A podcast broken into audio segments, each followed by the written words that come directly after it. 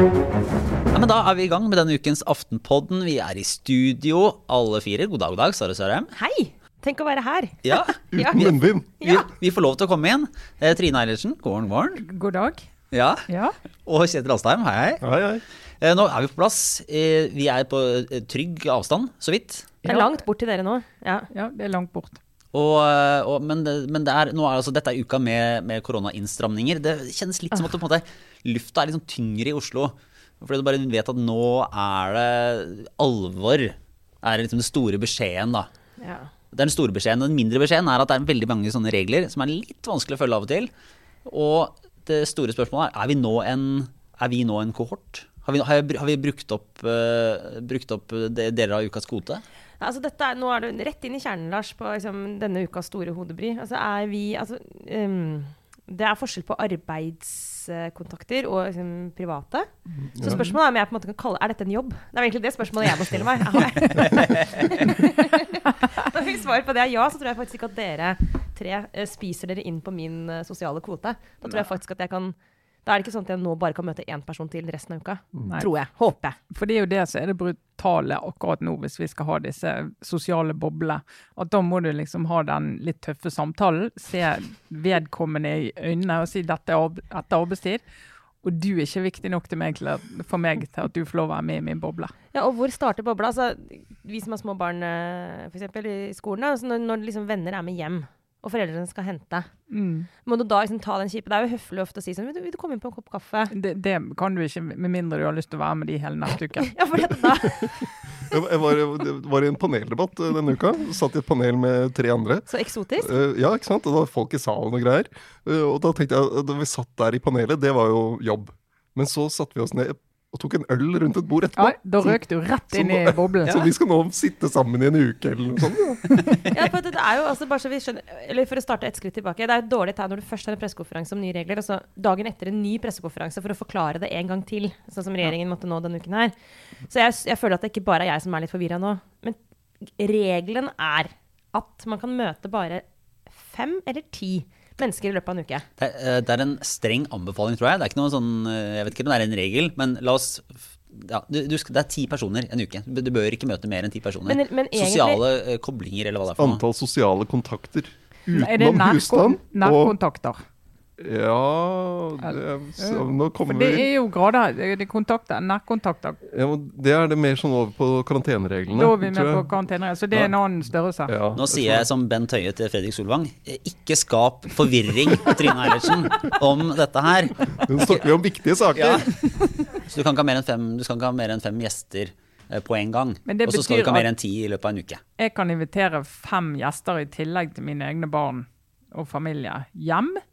Men så kan jeg i tillegg gå en tur med deg, Sara, selv om du ikke får lov å komme hjem til meg. Det var, ja, ja, jeg måtte ha det dilemmaet her på, for jeg var på trilletur i, i går, eh, som i pappapermen. Jeg syns du skal si hvem du var på trilletur med. Ja. Det, hvis noen tror at dette er en elite i Oslo som mingler på tvers av yrker og jobber og funksjoner, så vil jeg bare få lov å Ja, folk får tenke det de vil. Nei, altså, jeg mener at det er et vakkert, vakkert uh, bilde på, på Norge. Altså, vi kan kalle det et godt, men ubekrefta rykte, Lars. Det kan vi gjøre. ja, Så er den norske modellen. norske modellen er, det er, det er jo da fem, fem menn i sånn turklær på eh, trygg koronaavstand går i marka med, med fem unger. eh, Der man har da representanter for tver, tverrpolitisk trillegruppe, eh, liker jeg å kalle det. ja. Der, eh, er det sånn, skal, kan man si hvem man er i trillegruppe med? Er det, er det på en måte innafor? Det er ikke noe kildevern på hvem man er i trillegruppe med. Du kan jo trillegruppe med. sikker partiet de tilhører, da. Ja, det var, det var hvert t- trygt plassert i, i SV, Høyre, eks-Høyre og Høyre. Og eh, representanter for tidligere storting og regjering. Så, som, men, men her, er det, her er alle velkomne, da, for å si det sånn. Til eh, tverrpolitisk trillegruppe så, så kan vi ta imot alle politiske eh, farger og partier. Eh, Dersom det er noen som melder seg. Min erfaring også med sånn tverrpolitisk eh, henging eh, er jo at egentlig er aksen Høyre, SV slash Rødt ofte faktisk veldig velfungerende sosialt. Altså Høyrefolk er jo ofte litt trauste og kjedelige, er det lov å si, uten å krenke noen. Og eh, SV Rødt-folk kan jo være litt sånn slitsomme i all sin sånn påståenhet. Men den kombinasjonen der rent sosialt, altså. Ikke sånn i, i, i regjering, men sånn rent sånn festfaglig er det ofte, blir det ofte gøy. Eh, det er akkurat som de på en måte får fram det beste i hverandre. Ja, det, ja, det kan si. Og litt sånn, det er, det, er, det er ikke så mye sånn de Det prøver ikke å overtale hverandre i så Nei, stor grad. De Nå står såpass liksom langt unna, og så slipper den der slitsomme fraksjoneringskranglinga. Mm. Det er verre med SV og Arbeiderpartiet, kanskje. Ja, det er helt jævlig. Unnskyld. ja, ja. Det er helt forferdelig. Det går ikke. Det anbefales ikke. Men i hvert fall der var jo spørsmålet eh, er, det, er, det, er det greit? Er, det, er, vi nå, er dere nå familien min? Er det sånn at jeg må være sammen med dere hver dag, eller telles det som sosial kontakt? Og der valgte jeg å, å være tydelig på at det gjør du ikke. uh, Du får ikke komme hjem til meg. Nei, altså jeg kan ikke bruke opp uh, en halv uke Nei, nei. så, så, så tidlig. Altså, nei, det er det. kommer- Mandagen blir jo litt sånn viktig her. Ja. Hva skjer mandag? For det, liksom, det plant, forplanter seg hele uken. Så når okay. helgen kommer, så må du liksom dra med deg det du gjorde på mandag. Men spørsmål da fra en legkvinne. Begynner uka nødvendigvis på mandag? Altså Er det rullerende? Altså type sånn, Kan jeg selv si at min uke begynner i dag? Så jeg sletter de som altså Skjønner du hva jeg mener? Rent teknisk så tror jeg at du eh, eh, som henhold til reglene kan si at uka starter i dag. Ja. Fordi de reglene trer vel i kraft fra i dag, I dag, ja. Men eh, det er jo et sånn moralsk spørsmål da, om du vil liksom reise til Sverige dagen før eh, det kommer karantene. Eh, altså Bare fordi at du kan. Hvis, eh, smittesituasjonen er jo som den er altså den var på onsdag og på torsdag. Det er jo litt av det samme. da. Ja, men jeg tenkte mer sånn Er det, er det sånn at alle sosiale uker begynner på mandager? Altså Det blir veldig sånn press på at da blir alle skal spare opp liksom sine Det blir konkurranse om de kule kontaktene mot helgen, da. Hvis alle venter og sparer opp, liksom, ikke bruker opp kontaktene sine mandag, tirsdag onsdag. Det er jeg helt enig i. Jeg Ja. tror det er mye mer rom Altså Hvis du starter Hvis du kunne starta den på fredag, Ja. så ville det vært rausere. For Start, da, da ville vært eh, Da ville du kunne fått med flere og på en måte fått tatt det inn. Og så utover i uka så kan du alltids på en måte på onsdag-torsdag da, så kan du Gå inn for landing. Ja, så kan du gå inn for landing, og da er det, det er ikke så farlig. Så hvis du har brukt opp alt, så er det da. Men hvis du på mandag og tirsdag nå, så blir du jo veldig forsiktig for ikke å ville svi av kruttet på noen som eh, ikke forsvarer den posisjonen. Altså, Men så, men så er det jo sånn- litt, det er litt triste, da. Som, eh, sånn som Erna Solberg fortalte om. Hun kommer jo ikke opp i ti. Men Du, du treffer jo så få folk, ikke sant. Det, etter at vi har vært i korona-karantenetiden og sånn i månedsvis, så, så treffer man folk egentlig. Hvis jeg kan komme med en litt sånn mer alvorlig ting her, da, som er et, et, et konstruktivt forslag, er jo, eh, er jo egentlig at man, nå som det er såpass strenge grenser, bør kanskje kvotere inn noen som en tenker eh, ikke faller liksom naturlig innafor alle grupper. Da. Jeg tror det er litt kjipt i disse tider. Ja. At det er noen som finner ut at, det, at de kanskje ikke blir liksom prioritert inn i klart så mange kjipt, topp, ja. altså inn i så mange kohorter. Og at eh, alle kan ta litt ansvar for å, for å få inn noen av de som ellers havner liksom fort utafor det der diagrammet. da. For det, er jo no, det kjipe nå er jo at du faktisk sitter og til en viss grad må prioritere sosialt samvær. Ja. Og det er jo en brutal situasjon for ganske mange som blir sittende og, og ikke har kanskje verken en stor familie eller liksom noen som er der fra før. da. Ja, og i kombinasjon med hjemmekontor, så er det jo eh, Vi kan jo liksom snakke om at også slitsomt å ikke kunne møte så mange vi vil og sånn, men det er klart at den virkelig Du er inne på det som jeg tror er altså også sånn sikkert sånn folkehelsemessig en konsekvens av det her. At eh, veldig mange mennesker nå, inn i den mørkeste, kjipeste tida, Mm. eh, sitter helt aleine. Eh, jeg sitter hjemme og jobber hvis de har en jobb, og på hjemmekontor, og ser bare inn i en mørk ettermiddag og en mørk kveld helt alene. Det er jo ikke noe ålreit situasjon å være i. Nei, og du og ser, altså, mange eldre har det jo hatt det veldig stille veldig lenge. fordi de fleste tilbud av aktivitet og sånt tilknyttet eldresenter og sånn har bare vært skalert ned noe massivt. Og så skal det, skal det være enda stillere. Så det er eh, en ganske tung belastning for mange. Men tror dere at det, folk Altså, er, gir det mening for dere? Det er, det er jo den der, Nå har det ikke vært så mye av det i Norge, men i Tyskland for eksempel, er det ganske sterke protester mot Nå kom det en ny sånn semi-lockdown der i, i går. Eh, ganske sterke til med demonstrasjoner og protester mot liksom, disse grepene fra myndighetenes side. Jeg vet ikke helt liksom, hvor tror dere altså, hva, hva, hva tror dere om dugnadsånden? Sånn. Altså, det som vi i hvert fall hittil har hatt i Norge, er jo at folk slutter jo opp i ganske stor grad i hvert fall om tiltak. Ikke nok åpenbart, for da hadde vi jo sluppet dette. Eh, men men de, de sier ok, jeg liker det ikke, men jeg gjør det fordi at jeg stoler på helsemyndighetene. De har jo sånne målinger hele tiden hvor de prøver å se hvordan er tilliten til helsemyndighetene. Den er jo kanonhøy. Folk her stoler på at de er styrt av en vilje om å gjøre ting bedre. I andre land så stoler de ikke på det. De, da er det jo konspirasjoner og spørsmål om det er legemiddelindustrien som legger premissene, og så er det helt andre diskusjoner. Og så skal vi skal være utrolig glad for at vi slipper.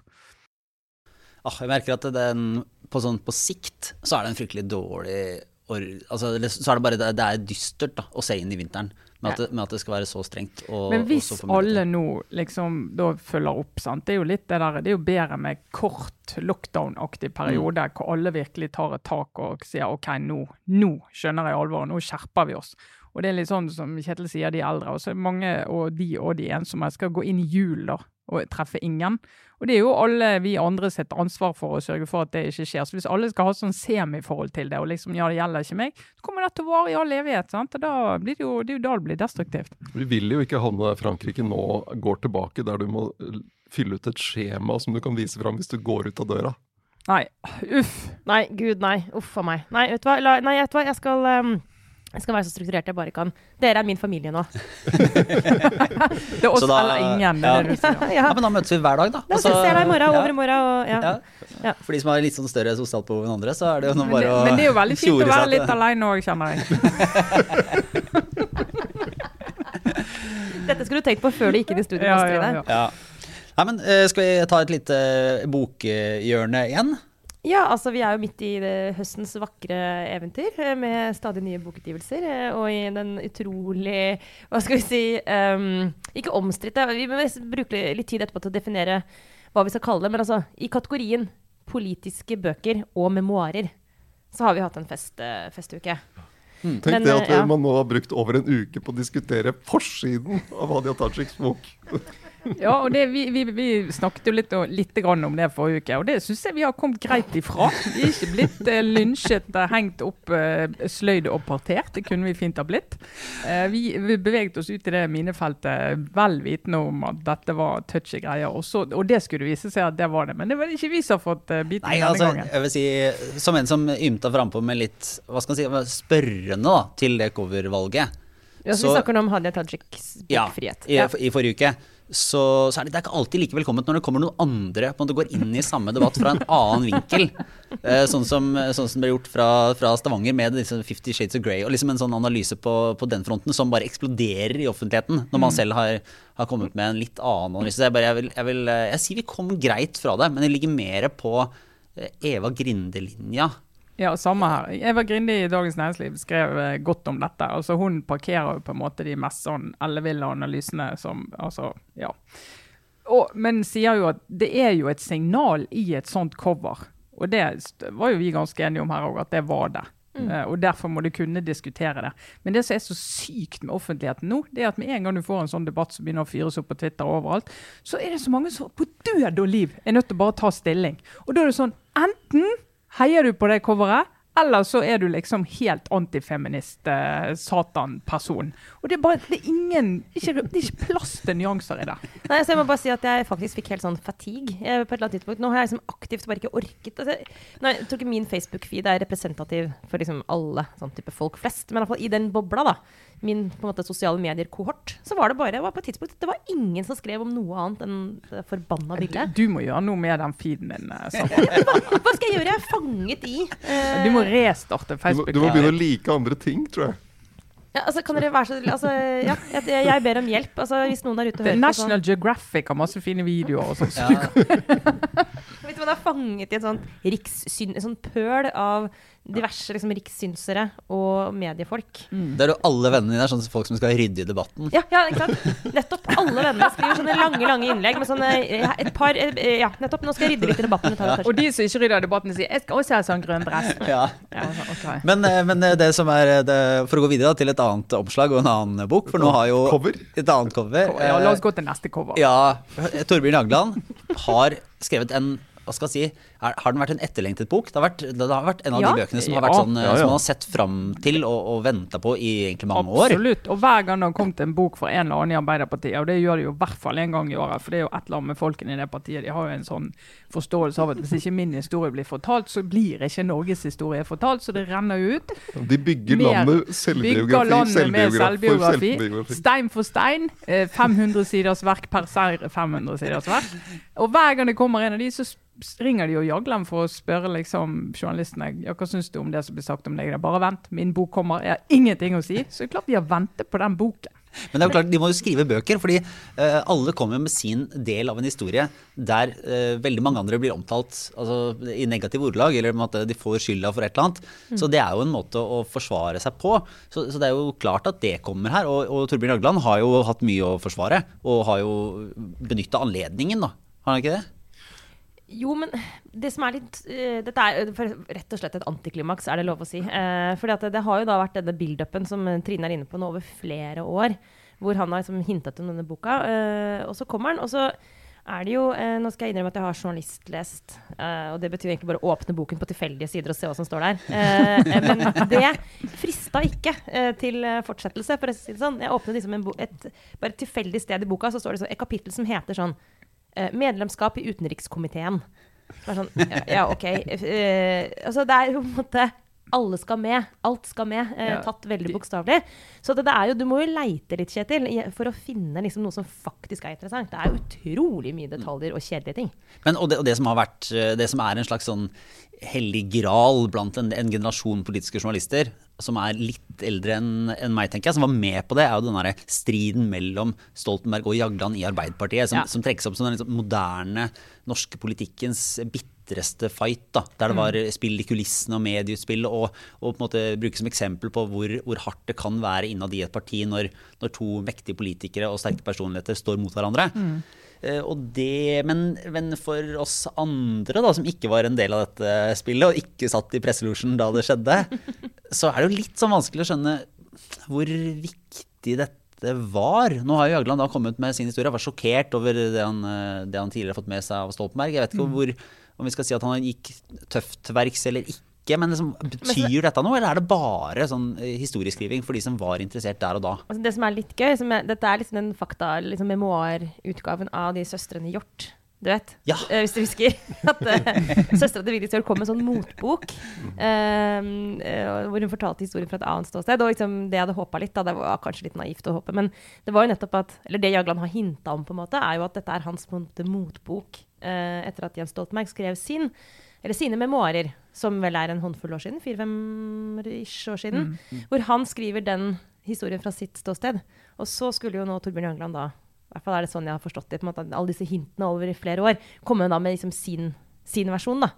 Uh, og det har hun jo for så vidt gjort, og det er jo det som har blitt presse det er det som har blitt på en måte vinkelen på dekningen av boka. Men du som har altså, Ja, altså, det, det, er ikke så rart, altså. For si, du var jo aktiv politisk journalist på den tiden, Kjetil. Jeg var akkurat så vidt begynt. Men det var jo, det preget jo altså alle diskusjoner om Arbeiderpartiet og inn mot altså Da Jagla gikk altså statsminister, inn mot valget, da første regjeringen til Jens Stoltenberg begynte å bakse og slite og styre, og da de eh, tapte valget, så lå jo dette her som en sånn grunntone og som en sånn evig debatt, den eh, konflikten mellom de, som var utrolig viktig den gangen. da. Kan du ikke bare dra en, en kjapp sånn, eh, bare faktaboks på, på, hva som var situasjonen, Kjetil? Altså, ja, det, det, var jo var, noen var, år som var veldig dramatiske for Arbeiderpartiet og i norsk, politi norsk politikk, egentlig, med, med Gro Harlem Brundtland som da plutselig gikk av som statsminister eh, høsten 1996. Og Torbjørn Jagland var partileder og rykket da inn som statsminister. Litt uh, brått og overraskende for ham, ifølge denne boka.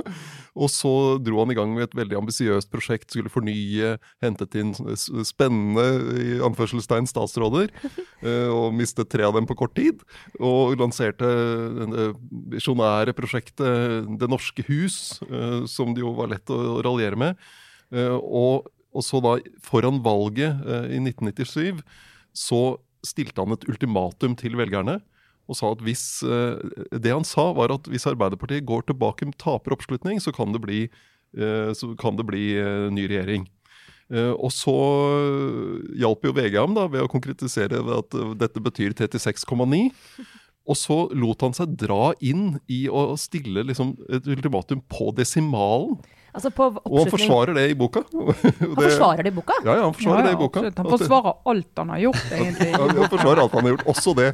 Det, og det, I det valget så fikk de jo da ikke 36,9, men 35. Som jo Arbeiderpartiet i dag ville, altså de ville de feiret i flere uker. ja.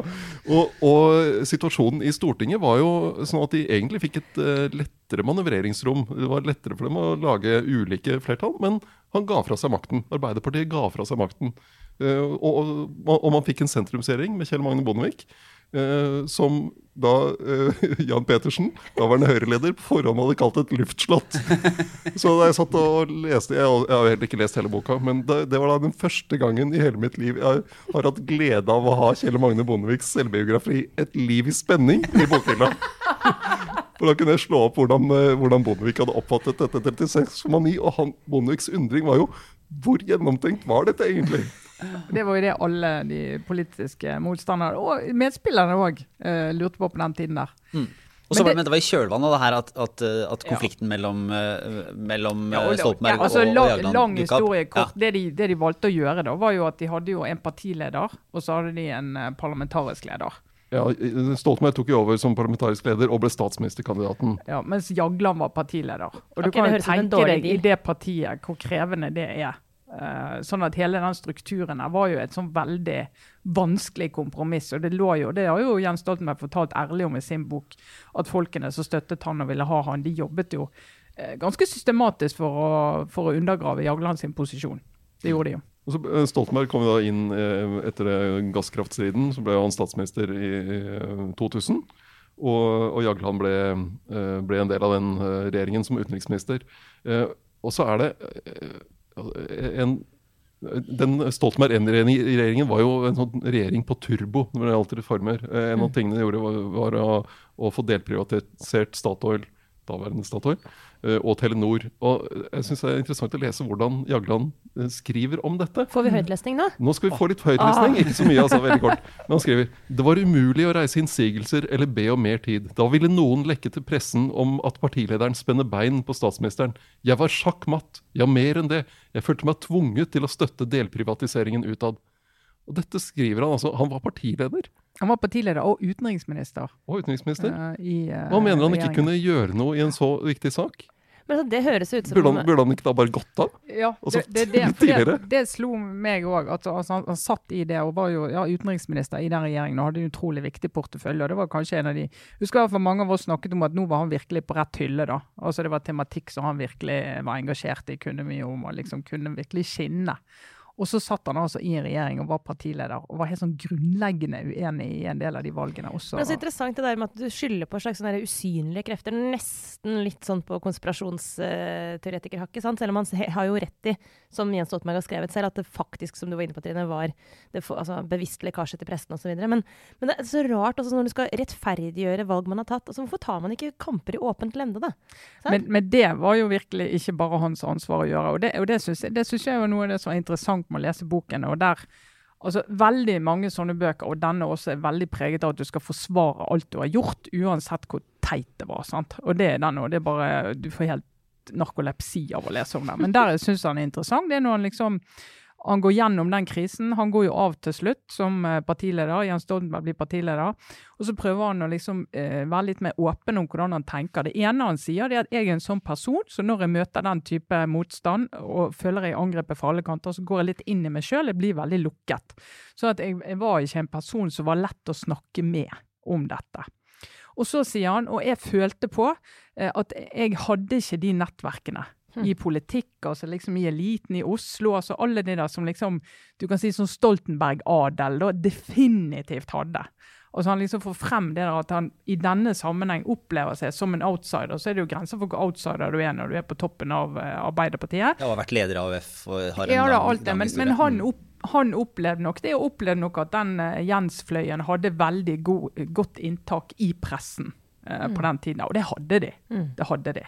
Sånn at, Det syns jeg er interessant eh, når han skriver om. Og så syns jeg at han har eh, Han er en god sånn utenriksanalytiker. Altså Det er masse jeg ikke liksom deler hans syn på det, men jeg syns det er utrolig interessant å lese hvordan han resonnerer, både om hvordan Europa liksom eh, trakk seg mot øst etter at Sovjetunionen falt sammen, og liksom problematiserer det, syns jeg er interessant. Og jeg skulle, jeg skulle liksom Jeg syns liksom hvis han hadde latt være med en del av de der verste sånn ja, jeg syns det er riktig og viktig at han forteller hvordan han følte det i den striden, for jeg tror det var helt ekstremt. Helt ekstremt å oppleve det. Eh, Men det blir, nesten alle saker blir litt sånn, farget av det der eh, Og jeg ble urettferdig behandlet, jeg hadde masse motstand som ikke gikk an å se. Altså det blir, blir litt mye sånn selvforsvar. Også at han ikke ett sted sier 'hva kunne jeg gjort annerledes'? Men eh, jeg lurer på om vi går videre til en ny eh, Jeg vet ikke helt om det er en, eh, en, eh, en spalte eller en post. men eh, det vi liker å kalle eh, Kjetil snakker om viktige ting. Fordi av og til eh, i, i norske medier og i kommentariatet så, er, så, er, så skrives det ting som faktisk er sånn oppriktig sånn er interessant, men òg kanskje viktig. Men ikke sånn umiddelbart tilgjengelig, eller sånn at de fleste ville tenkt at oi, det skal jeg søke opp eh, på, på Google og finne ut av. eh, Fordi jeg var så interessert i det. Og en av de sakene, det var jo da Kjetil Alsheims eminente kommentar. Og jeg må stokke orda, bare for, handler om Altså, er det EUs nye jernbanedirektiv og Jernbanepakke Stortingets fire. ja, og, og stortingsflertallets beslutning om å bruke en eller annen gammel paragraf og, og, for å spørre Høyesterett om det er greit det, det regjeringen har lyst til å gjøre. Ja. Det var, det var en sånn Ja, det, Slutt seg til. akkurat den problemstillingen der det går nok litt sånn inn i en øre og ut av andre for mange av oss. Ja. Ja, jeg kan vel si at det bare sånn, For å liksom gi deg litt sånn fart ut på hoppkanten, Kjetil. at eh, når, når du og Trine deler ting på Facebook, så pleier jeg som regel ni av ti ganger tenker jeg at dette bør jeg sette av tid til å lese. fordi her er to mennesker jeg lytter til og syns er oppegående, og de deler, deler noe begge to. Det er interessant. Sannsynligvis. Eh, Men akkurat denne kommentaren kan jeg vel bare innrømme at forsvant i Jeg, jeg, vil, du er jo jeg, vil si at du er jo veldig opptatt av ja. EU. Og at dette er jo noe det, det, i, hvis, uh, altså, Du kan se for deg at dette er noe som utløser en ny EU-debatt. ja, Og da, skjønner du, da har du meg litt sånn hooked. Ja. Ja, så fortell. Grei ut. Kanskje den fungerer bedre muntlig. Ja, men da går jeg tilbake til jernbanepakken. Å nei.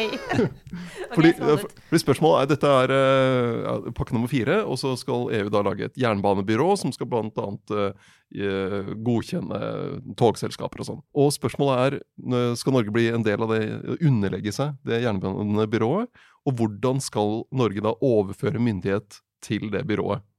Eh, og spørsmålet fra Stortinget blir eh, man, er dette i henhold til Grunnloven at vi gjør det på den eller den måten.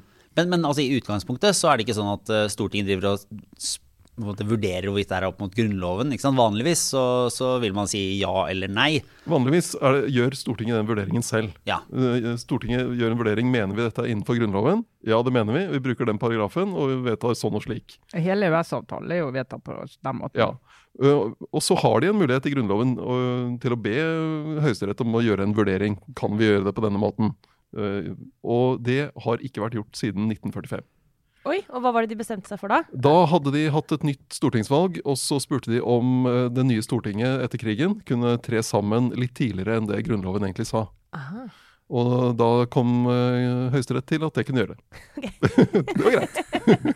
Så det første Ut fra de tolket av Grunnlovens ånd at det var riktig å ha et ferskest mulig eh, storting.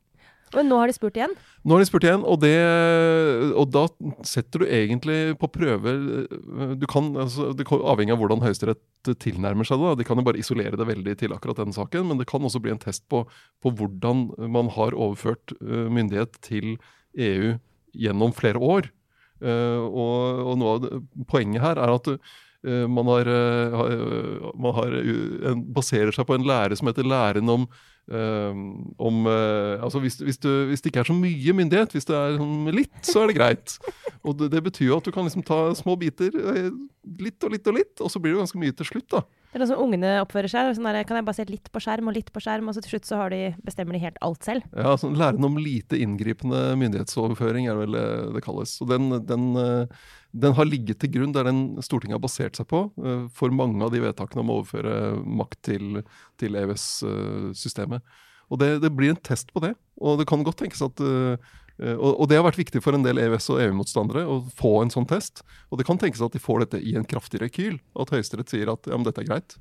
Hm. Altså, i forhold til, altså, Og det hvis er. Høyesterett sier at det ikke er greit, at det må gjøres på en annen måte, så kan det gjøre EØS-samarbeidet mye vanskeligere. Og hvis EØS-samarbeidet blir mye vanskeligere, så blir jo spørsmålet eh, kanskje vi må organisere dette samarbeidet med EU på en annen måte, f.eks. Så. Nettopp, men liksom råderettsmessig, da, altså, du, du, altså, at man da har gitt bort for mye av det som norske politikere selv burde bestemme over. Ja, at du, altså om Grunnlovens paragraf åpner for å gjøre det på den måten, at du kan vedta det på den måten og overføre myndighet. For det er jo eh, Norge skal, er, skal jo være ifølge Grunnloven et eh, fritt og selvstendig og udelig rike. Og når du da gir fra deg myndighet fra Stortinget overfører det til et annet organ, så er det regulert i egne bestemmelser i Men så er det jo noen av de som ønsker den vurderingen i Høyesterett i dag, som ikke ønsket det for noen år siden. Ja, I 2008 så var det, en, var det Høyre og Frp som ville ha det. Da var det ja, Jeg gidder ikke gå, gå inn i detaljene om den saken. Men da sa. Ok, da. Der, er, øh, nei, du vil ikke det, Trine. Nei, jeg vil i hvert fall ikke. Så nei. Men Da var det, da var det regjerings, daværende regjeringspartier, eh, Arbeiderpartiet, Senterpartiet, SV, som sa at nei, sånn kan vi ikke gjøre det. Eh, Og så viste de til runden i 1945 og erfaringen den, fra den gang. Og da advarte daværende stortingspresident Karl Joakim Hambro fremtidige storting mot å gå den veien. Og da, men nå er det da de tre partiene som sier at jo, den veien skal vi gå. Og det, men for det, det, Sammen med Frp. Og det er også interessant at Frp er med på dette. Og det tror jeg det er et uttrykk for litt den derre Senterpartibølgen og diskusjonen i, i, etter eh, ACER, eh, energibyrået til EU. Eh, At det er, eh, og den derre altså Frp som, som plasserer seg som mer EU-kritisk enn tidligere. Men det er jo litt sånn, når politikerne da eh, ikke vil ta aktivt stilling, for jeg antar at et stortingsflertall kunne sagt nei, eller? Til, til at Norge skal tilslutte seg dette. Altså De kunne jo bare sagt Ja, sånn nei, ja, vi vil ikke. det. Vi, vi, vi vil ikke. Ja, de kan bare gjøre det. Og, og så kan du gå inn og sende det da til Høyesterett for å få den vurderingen. Og da er det jo spørsmålet, du kan jo det av to grunner. Egentlig så kan du jo si fordi du vil, få et, du vil ha et nei. Fordi du mener at du vil stoppe denne prosessen. Og det er en måte å få gjort det på. Og det antar jeg kanskje er sånn Senterpartiets mening, da. Fordi de i utgangspunktet vil ha er liksom mer solid på eh, nasjonal selvråderett over jernbane retningslinjene og finne noe annet. Men det er jo også på en måte for Frp, som ligger litt sånn imellom dette, som egentlig har vel konkurranseutsette og, og, og ha en mer sånn strømlinjeforma jernbanesektor i utgangspunktet, så er det også en mulig måte å få eh, domstolen til å si at dette er greit på, uten at du sjøl må si ja? Eller er, det, er, er Ja, ikke det et spørsmål? Frp sier jo at de er for den jernbanepakke 4, mm. bl.a. fordi den forutsetter at du har konkurranse om eh, hvem som skal få kjøre tog. Så det er en måte å, å slippe å ta den, ta den vurderingen selv, og den belastningen. Og, og at de har en diskusjon i Frp om, om myndighetsoverføring. eh, Skjer dette, altså går det for langt, eller gjøres det på riktig måte? Og fra Arbeiderpartiet blir det også en måte som er veldig for EØS-avtalen, blir det en måte å håndtere det at de har motstand fra eh, jernbaneorganiserte og LO, som er skeptiske til jernbanepakke 4. Men hvis, eh, det er kanskje ikke satt opp sånn helt fullstendig, men, men hvis, eh, hvis Høyesterett sier at nei, dette er faktisk ikke greit, nå gir Stortinget fra seg for mye myndighet, så kan tilba altså da kan man gå tilbake og rettslig prøve andre avtaler fra tidligere. Så, så for EØS-partiet og Arbeiderpartiet så er det jo en potensiell mine. Eller har de en, eh, en forklaring som gjør at dette er en sånn så enestående situasjon at det ikke gir følge, på følge feil eller eller følgemuligheter da, i andre saker? Ja, Den blir i hvert fall interessant opp mot uh, altså energibyrået ACER, som det var mye bråk om da det, Norge ble, eh, sa ja til det. Stortinget sa ja til det. Det skal jo til Høyesterett. Så det, og rekkefølgen der, hva som kommer først og sånn, blir jo litt interessant. Men de to sakene kan jo plutselig få, spille sammen på noe vis, og, og få stor betydning for hvordan Stortinget kan, kan eh, utvikle det samarbeidet og EØS-samarbeidet. Det er, det er interessant å få opp eksempler også på nettopp at også i norsk politikk så har Høyesterett eh, innimellom, selv om det ikke er så veldig ofte, en direkte innvirkning på, på, på, det- på politikken som vedtas. Eh, vi snakker jo nesten alltid om når vi snakker om Høyesterett og politikk, så er det nesten alltid amerikansk politikk og hele den, alle de diskusjonene der. Men, eh, men det, er det er jo faktisk helt altså, De sitter jo på reell makt eh, til å overstyre norske storting. Det er jo en liten leksjon, dette, Kjetil, i rett og slett eh, norsk parlamentarisme. Og Der kommer det jo en annen veldig spennende sak neste uke. Det er klimasøksmålet fra Natur og Ungdom og Greenpeace. og Veldig, sånn. veldig, veldig spennende. Veldig spennende. Ja, men på jo, men noe av det morsomme der er jo at regjeringsadvokaten har gått inn og sagt at her er det en høyesterettsdommer som var med i Natur og Ungdom. Så kanskje, kanskje hun er inhabil. Ja. Og spørsmål, og også, Det kan vi sikkert snakke mer om neste uke, altså, eller en annen gang. Men spørsmålet er jo da, eh, hvis Naturungdom Natur og Ungdom og de andre taper denne saken i Høyesterett, skal de da jobbe videre for at eh, fremover så skal det være flere grønne høyesterettsdommere inn? Nettopp. Ja, så starte en, sånn, eh, sånn, en slags sånn eh, fast track, eller sånn, en plan for å få inn eh, miljøbevisste jurister som kan, kan fylle domstolene i Norge. Så eh, da tror jeg vi går videre til en liten runde med obligatorisk refleksjon. Og eh, jeg kan egentlig begynne bare veldig veldig kort, eh, når vi går på sånn eh, politisk posisjonering og, og sosialdemokrater som eh, skal finne folkeligheten. Det er eh, nok et minefelt. Det er jo bare i England, som det jo foregår enormt mye rart i om dagen politisk. De lever litt i skyggen av USA, men det er jo et eh, stadig virvar av Boris Johnsons merkelige påfunn. Og denne nye, altså relativt nye lederen av Labour, som tok over etter Jeremy Corbyn, som da er det veldig veldig merkelig navnet. Altså sir, da, fordi han er, har tittelen sir. Keir Starmer. Det er sånn keltisk ut. Ja, ja. og, og litt, eh, litt å si. Men, eh, men, eh, det er som en sånn bare Den folkelige Labour-lederen. De, altså, de bytta han ut med noe helt annet, for å si det sånn. Ja, altså, de gikk en annen retning. Ja. Så, så, men han ble nå, havna nå i en litt uheldig sak her. Fordi han eh, klarte, når han var ute og kjørte i den store SUV-en sin, eh, på vei til skredderen, så meide han ned en syklist. Uh, det er sosialdemokratisk branding på sitt aller, aller beste. Det var, sånn, det var noen uh, ordentlig fine titler i uh, de konservative avisene som fikk med seg alle detaljer i denne lille historien. Men han er jo en, han er jo en i motsetning til forgjenger, er jo han en ordentlig trussel mot Boris Johnson. Det er han jo. Ja. Men kan, kan, jeg få lov, for jeg syns jeg har en fin overgang, da. fordi at ja, ja, Brexit, Brexit, og Jeg vil si at brexit i 2016 og valget av Donald Trump, det er de to mest sånn sjokkerende tingene jeg har opplevd omtrent i mitt liv som ikke har inkludert tap av liv. Ja, ja, altså Det er sånn jeg kjenner på at det er nesten litt sånn PTS. Og derfor så jeg har en sånn Jeg gruer meg til tirsdag. Da er det presidentvalget i USA, og så liksom masse målinger og sier at dette kommer til å gå veien. Og så tør ikke jeg å stole på det, for det gikk jo så fullstendig galt. Så jeg merker jeg begynner å få sånn uro i kroppen. begynner å bli så anspent. Mm. Og så tenker jeg ja, la oss si det nå går veien, da, altså at uh, Trump, verdens minst kompetente politiker, stemmes ut av Det hvite hus. Og da må det jo være i orden. Men da er det jo jeg har forvillet meg ned i noen hole, rabbit holes av uh, litt amerikanske podkaster. Som gjør at uroen er jo ikke dempet i det hele tatt. Uh, så det er jo da inni dette er jo en anbefaling. Nemlig podkasten No Compromise. NPR som har laget den. Eh, som handler om rett og slett eh, våpenlobbyen, våpenaktivisten i USA. Og de er til høyre for NRA, altså National Rifle Association, som jeg tror vi i Norge opplever som ganske, ganske ekstreme. Harde, ja. ja. Mm. Men som i, sett fra disse gutta, for det er veldig mye gutter her, gutters ståsted, så er de soft on guns, som de sier. Og altså NRA, er det soft on guns? Soft on guns oi, oi. Ja, fordi at de inngår jo kompromisser og går liksom med på en liten regulering her om at psykisk syke ikke skal få kjøpe våpen, og, og, du skal liksom ha en liten sånn overvåking, og du skal registrere hvem som har våpen. Det har jo NRA gått med på. Det mener de er helt brudd med Second Amendment, som er i Grunnloven, om at du skal få lov av våpen. Og utgangspunktet deres er at grunnen til at vi har våpen, er at vi skal kunne forsvare oss mot en stat som prøver å overkjøre oss. Det var det som var tanken når grunnlovsfedrene laget det tillegget. Uh, og det er så viktig at det må vi få lov å ha. Så Du må få lov å kjøpe de våpnene du vil, må få så mange du vil. Hvem som helst må få kjøpe. Alle som driver med regulering, de skal tas, da. Uh, og det denne podkasten egentlig handler om, er hvordan disse har greid å mobilisere. Og så er det jo litt av en gjeng. Eh, hvordan de har greid å mobilisere en del krefter, og hvordan de har liksom klart å påvirke en del. Nå, hun ene er jo eh, på vei inn i Senatet, sannsynligvis. Eh, har eh, i hvert fall i starten her eh, omfavnet QAnon-innhold, eh, altså virkelig konspiranoia-innhold og tanker.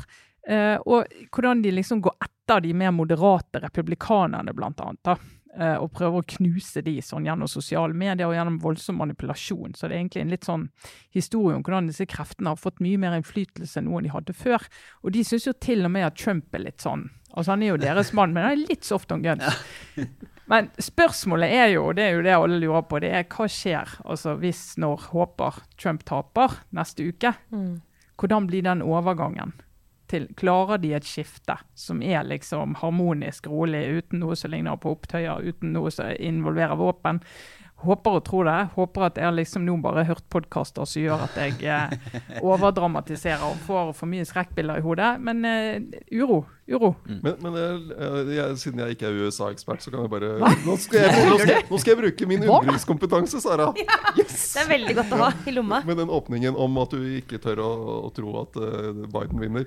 Er, er, vi blitt for forsiktige med å si at uh, det faktisk ligger an til at Biden vinner dette valget? Er norske og amerikanske liksom, etablerte medier blitt for redde for, etter det at de bommet og tok ting for gitt sist gang? Ja, det er et veldig godt spørsmål. For jeg tror ingen av oss vil liksom bli at noen skal komme på onsdag og si at herregud, så dere har rotet. Men det er jo Og Hvis de da kommer på onsdag, og så er liksom, har Biden har landslide, liksom, og så er det sånn Herregud, dere klarte ikke å se det heller. Dere klarte ikke å se det forrige gang, klarte ikke å se det nå. Det kan jo bli, man kan jo da også anklage både analytikere og, og, og egentlig mediene som har dekket også, for å skape unødig stress og frykt. Gjennom å ikke bare slå fast det helt åpenbare, at her ser det, dette, dette, altså, han kommer til å tape, og dette kommer til å på en måte Jeg, jeg, ja, jeg gå bra. er reell Skal vi nå bare calle call it for Biden? Da, Ja. i denne? Ja, men alle, alle objektive faktorer taler jo mot Trump.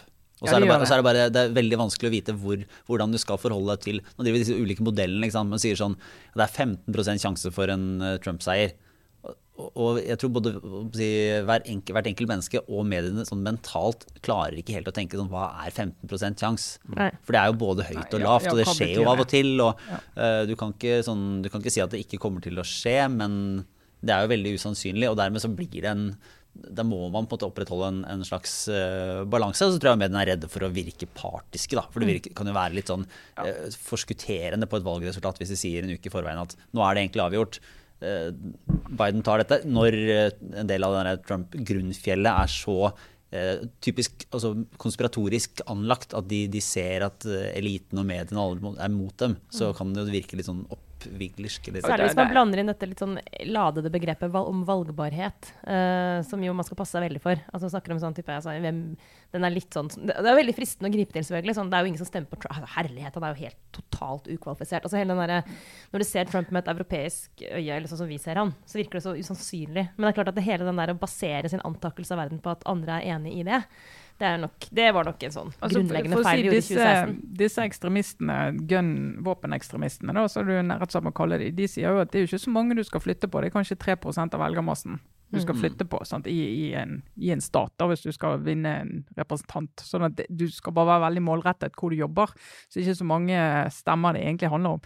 Men eh, kan jo også da anbefale en The Daily-episode fra denne uken som går tilbake til valget i 2000 med Al Gore og George eh, W. Bush. Eh, da de, og det var jo nettopp det at mediene i løpet av kvelden, valgkvelden der, så først så utropte de jo eh, Gore som vinner. Og så fant de ut at det var for tidlig, og så utropte de Bush som vinner. Og så ble det en eh, tellediskusjon, og det var Høyesterett var inne i bildet, og alt var fullstendig ødeleggende for uh, tilliten til uh, systemet. Som brukes den dag i dag som argumentasjon når du snakker om velgerbedrag og juks og alt mulig. Åssen er det med deg, Kjetil? Har du en eh, anbefaling, eller hvordan ser det ut på refleksjonsfronten? Nei, jeg eh, tenkte jeg skulle anbefale altså, det, Jeg har jo litt eldre barn enn dere. Men jeg tenkte altså, noe av det, det fine med å, å, være, å ha barn, da, er jo når de blir eh, store nok til, Til at å klare du kan seg si, selv? Nei, store nok til at store, store nok til at du kan si Nå skal vi se noen av verdens eh, Altså filmhistoriens aller beste filmer. Å ja. Og kjøre i gang med Gudfaren. Ah, Å herlighet, det hørtes deilig ut. Ja, Ja. det, det, kan, det kan dere bare se frem til. Og mens dere venter på at dere kommer dit, så kan dere se en, en dokumentarserie på, som ble lagt ut på Netflix i sommer, som heter 'Fryktens by New York mot mafiaen'. Den er, altså, uh, den er litt seig, og de, de, de spiller på Jeg alle falt av. jeg falt av. Ja, De spiller på alle klisjeene med sånn filming gjennom dinervinduer eh, og intervjuer med kildene og sånn. Men det er noe med, med når de snakker om denne Fat Tony Salerno, Big Paul Castellano, Rusty Ratelli, Tony Ducks, uh, Corallo så blir, altså, jeg, jeg bare faller for det. jeg, Altså. Og, det, er, og det, er jo, det, er, det forteller da historien om hvordan FBI og, og politiet og myndighetene til slutt greide å ta disse fire mafiafamiliene i New York gjennom noen helt spektakulære avlyttingsoperasjoner. Og så har de da eh, musikksporet som åpner det, som er eh, Baby Huey and The Babysitters. Og Baby Huey var da, som jeg også måtte google for å finne ut hvem er dette, en, en mann som eh, døde bare 26 år gammel, eh, ekstremt overvektig og med et heroinproblem, men med da en, en Og eh, spilte, rakk ikke spille inn en hel plate engang, men med da en tittellåt til, den, til denne Eller en låt som heter Hard Times, som passer da helt supert for å sette stemningen. Så den, den går det an å se på. hvor, hvor var det man finner den? Netflix. Netflix. Nettopp. Ja, men du da, I og med at vi går inn i sånn katakombeaktig tilværelse nå i de neste i hvert fall fem ukene, da. vi skal sitte hjemme og uh, bare møte en håndfull mennesker, så vi, er, vi må jo se på TV og lese bøker. Det må vi. Så uh, jeg kan komme med to anbefalinger også. En som jeg mener at man bør lese, en bok. Uh, og så en sånn helt totalt guilty pleasure-TV-ting. Så kan man jo velge selv, hvor man føler inni hjertet sitt at man skal prioritere. Så jeg tar den, den liksom seriøse først, og det er faktisk min tidligere kollega i Klassekampen, Johan Shagmugaratnan, som har skrevet en bok som heter 'Vi puster fortsatt'. Det har vært en del eh, oppslag i mediene. Men, men det er rett og slett hans historie om å vokse opp i Norge med en mor fra Japan og en far fra Sri Lanka. Og det å komme som innvandrerbarn til, til uh, Norge, og til uh, Ski, er det vel, uh, her utafor Oslo. Og så er det grunnen til at jeg anbefaler boka. Det er, det er en sånn utrolig sånn det er, det er en historie med, fortalt med lave skuldre om egentlig en helt gjennomsnittlig norsk oppvekst. Eh, men samtidig også da en oppvekst for meg som helt annerledes enn min. Rett og slett fordi at han, han skriver eh, om, om det han opplever av hverdagsrasisme og utfordringer knytta til det å egentlig ikke høre til. Og det er, sånn, det så, det er så deilig i, i denne debatten, som jo er dessverre veldig veldig prega av liksom, veldig sånn sterke polariserte fronter, og eh, egentlig også mye sånn berøringsangst eh, rundt, rundt hele tematikken, så syns jeg at, han, at Johan har skrevet en veldig sånn altså det, er, det er en bok som Den inviterer inn. Altså den, er, skrevet med en åpen stemme, eh, og, en sånn, og ikke sånn som jeg leser. Altså han skriver det til barna sine, eh, og innrømmer jo at det er et grep han har lånt. men eh, men eh, jeg opplever også at det er, det er ikke, den er ikke pakket inn i en sånn 'du skjønner ikke hva jeg snakker om'-aktig tone. For det er sånn som, eh, når du representerer sånn som vi alle sammen her gjør, den hvite majoritet, så er det noen ganger litt vanskelig å komme inn i kom, kom, komme på innsiden. Fordi man kommer inn med både dårlig samvittighet og kanskje også kommer inn med en sånn med vårt hvite blikk, da. Men denne historien her, den er, der, der er det borte. Det er bare sånn, vet du jeg vil gjerne fortelle en historie. Har du lyst til å høre? Mm. Fint. Ja. Så den uh, anbefaler jeg. Og så til slutt, da. Guilty pleasure? Det var en veldig fin teaser, eh, Ja. Sara. Ja, men da kommer jo da Hvis man blir litt lei da, av å, le av å lese bøker man burde lese, ja, dere må se den derre The Undoing. Dere vet, den nye serien på HBO med med Hugh Grant og Den har jeg begynt å se på. Jeg ja. Den fikk ikke så bra kritikk. Nei, men- men det er bare én episode foreløpig. Ja, men du skjønner, altså det, det jeg eh, totalt er med på der, er noe, de som beskrev den som liksom garderobeporno. Ja, det er det. For tingen er, altså jeg kan ikke redegjøre for historien, altså selve plottet. Jeg har ingen, altså Trine, jeg, jeg, jeg, jeg har ikke peiling Jeg blir veldig forstyrret av det ansiktet til hun Nicole Kidman. Det er faktisk veldig forstyrrende. Men det er samme for meg hva den Hva serien handler om. Det Nei, er hun det er så operert Ja, at du bare Det blir sånn Men det er bare sånn i denne liksom, Så jeg sitter faktisk helt bokstavelig talt i studio i treningstøy. Altså det er, det er en skam. Altså det er, takk Gud at dette ikke er TV. Altså vi, vi forfaller i en sånn dassete Bra du ikke skal lage bokcover, for å si det sånn. Ingen ville anklaget meg for å liksom, eh, eh, fremstille meg selv litt sånn altså- seksualisert på bokcoveret, i hvert fall. Hvem ville du kommunisert til da? Nå? Ja, ja. Jeg tror aldri jeg har sett så folkelig ut som jeg gjør akkurat nå. Nei. Kan det stemme? Ja, det tror jeg faktisk er sant. ja. Det er ingenting som er så folkelig som å være litt sånn utrent og småtjukk i treningsklær. En bok, Eh, ja. en bok om TV Guilty Pleasures. Men poenget for å komme dit, da, det er at det jeg, sånn som jeg ser ut nå, er det motsatte av eh, Nicole Kidman. Og alle de de møter. Altså, det er altså bare så fine leiligheter. Så ja, ufattelig pene kjoler. Eh, et sånt New York-liv før pesten, hvor folk klemmer på hverandre. Bare det er jo helt rart å se. Ja, det er Eh, faktisk veldig rart å se. ja. Så det er bare sånn, man, man, kan skru av hjernen og bare lene seg tilbake og bare se på ufattelig pene og ganske ufordragelige mennesker i store leiligheter som bare svever rundt på Manhattan. Så det har jeg tenkt å mm, bruke en del tid på fremover, faktisk. Tenk, tenk at vi er kommet dit at vi sitter og ser på TV og roper sånn 'Husk på meteren!' Men det har satt seg ganske bra. Det kjedes, det er rart, det er Ja, det rart har å se. satt seg. Ja. ja, men eh, Da tror jeg vi runder av for denne uka. Så kan jeg jo bare anbefale de som ikke har eh, vært inne på aftenposten.no i appen, eller på aftenpodden.no eh, og hørt USA-utgaven fra tirsdag, der eh, Øystein Langberg og Kristina Pletten og jeg går litt gjennom hva som vil kunne skje i amerikansk politikk dersom demokratene vinner absolutt alt. Altså hvis de, hvis de får både presidenten eh, senatsflertallet og et flertall i Representantenes hus, som det jo regnes nå å være en 70% sjanse for, hva nå det måtte bety, eh, så kan jo det medføre både mye ny politikk og en del interessante eh, fighter på, på den politiske venstresida i USA. Så det vil se litt på det, og, så den kan jo anbefales da, sånn helt, helt på tampen.